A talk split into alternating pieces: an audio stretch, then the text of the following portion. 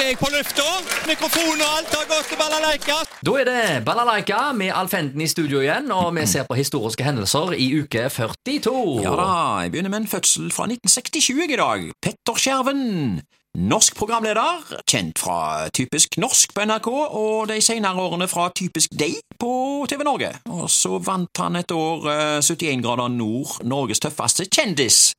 Ja, mye språk eh, han snakker om eh, på finurlig vis, og er han innom det meste i disse her seriene sine.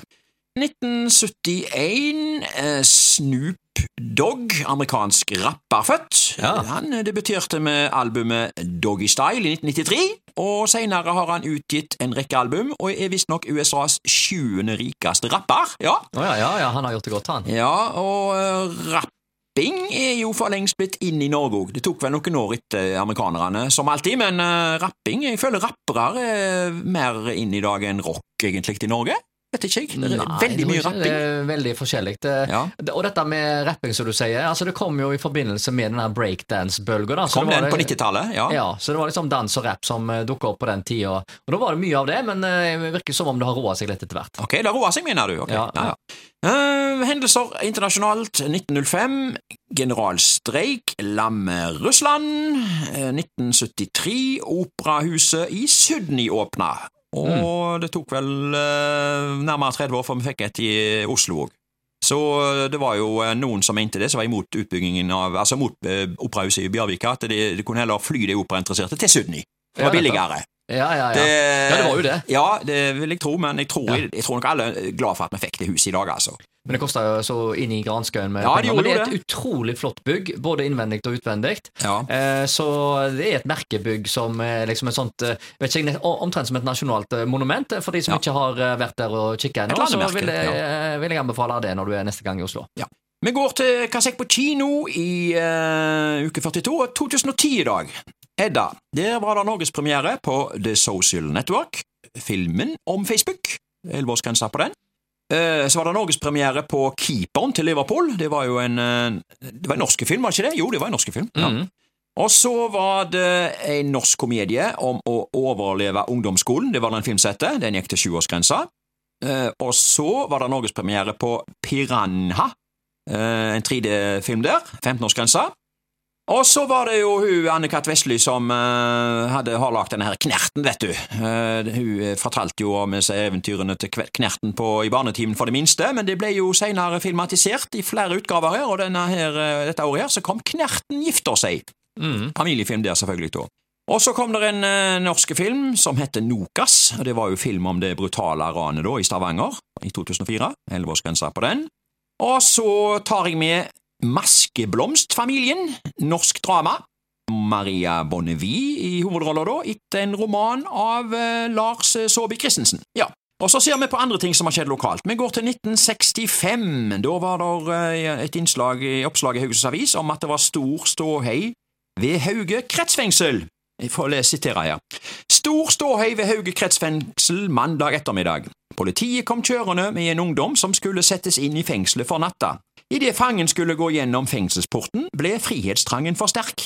Han gjorde helomvending og la på sprang.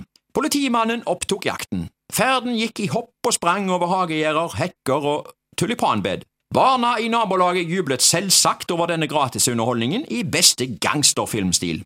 Rømlingen sprang til slutt inn i en forretning hvor han ble innhentet av lovens lange arm og brakt tilbake til fengselet. Denne gangen kom han vel og vakkert gjennom porten og bak lås og slå, ja. Så det altså i 1965. Altså, Jeg husker jo noen år senere, det var jo mye styr uh, altså alltid, alltid eh, Unger vet du, får jo alltid litt sånt uh, et kick av dette på en måte når den type ting skjer.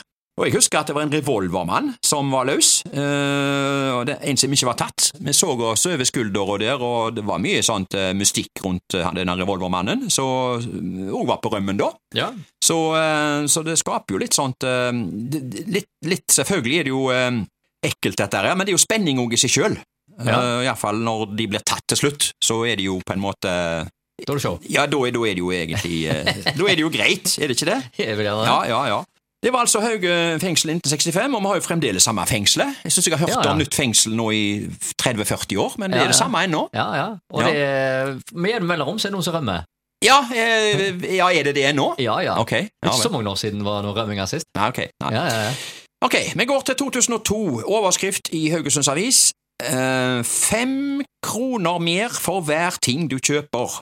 Søndagspriser på apoteket. Jeg siterer. Skal du kjøpe hodepinetabletter eller hostesaft, bør du ikke gjøre det på en søndag. På Haugesunds vaktapotek må du punge ut med ekstra gebyr for hver ting du kjøper. Vaktgebyret gjelder ikke reseptfri medisin, forsikrer apoteker Håvard Brummenes. Brummenes synes ikke det er urimelig at kundene må ta sin del av kostnadene ved å holde søndagsåpent. Kjøper du en flaske brus på en bensinstasjon en søndag, betaler du også mye mer enn i lavprisbutikken, argumenterer han. Ja, dette var siden 2002.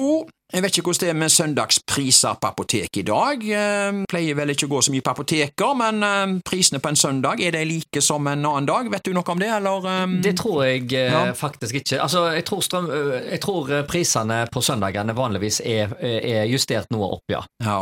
Men et apotek er jo ikke som i gamle dager. Du kan jo til og med kjøpe julegaver der nå, på apotek. For eksempel eh, noe sånt valium til folk som er litt pressa. Ja, Klyster til noen som er litt oppblåste. ja, nei, men De har en del innpakte ting som egentlig ikke har noe med apotekvarer å gjøre. De har jo det. Ja, vel. Ja, de har, eh, de har jo denne her, dette her konge... Dette her du Lukta, hva heter det? Konge... Krabbe? Nei, nei, hva heter den der lukta som du eh, Det er dryss. Å ja. ja, ja, ja, septik. Nei! Nei, greit. Ja, ja, nei, men de har iallfall mye på apotekene. Men du, det er en ting jeg etterlyser på apotekene når vi snakker om tabletter. Ja, Eh, Hvor ble det av disse gamle, gode hodepinetablettene? Hvor ble det av Globoid? Det er altså sånn Alf kalte det for globoid. Globoid, ja. ja. Hvor ble det av? Hvor ble det av globoiden? Hvor ble det av Dispril? Husker du det? Når vi. Skulle løses opp i vann. Å, skulle du det? Ja, det ja. tok tre av det, så hadde du uh, reparert fyllesyke, ble det sagt. Å, jeg ser det? Ja, ja, ja. Ja, ja, ja. Men uh, hvor ble det av? Jeg finner ikke Dispril lenger i, eh, i eh, Nei, da er, da er det bare én ting å spørre om.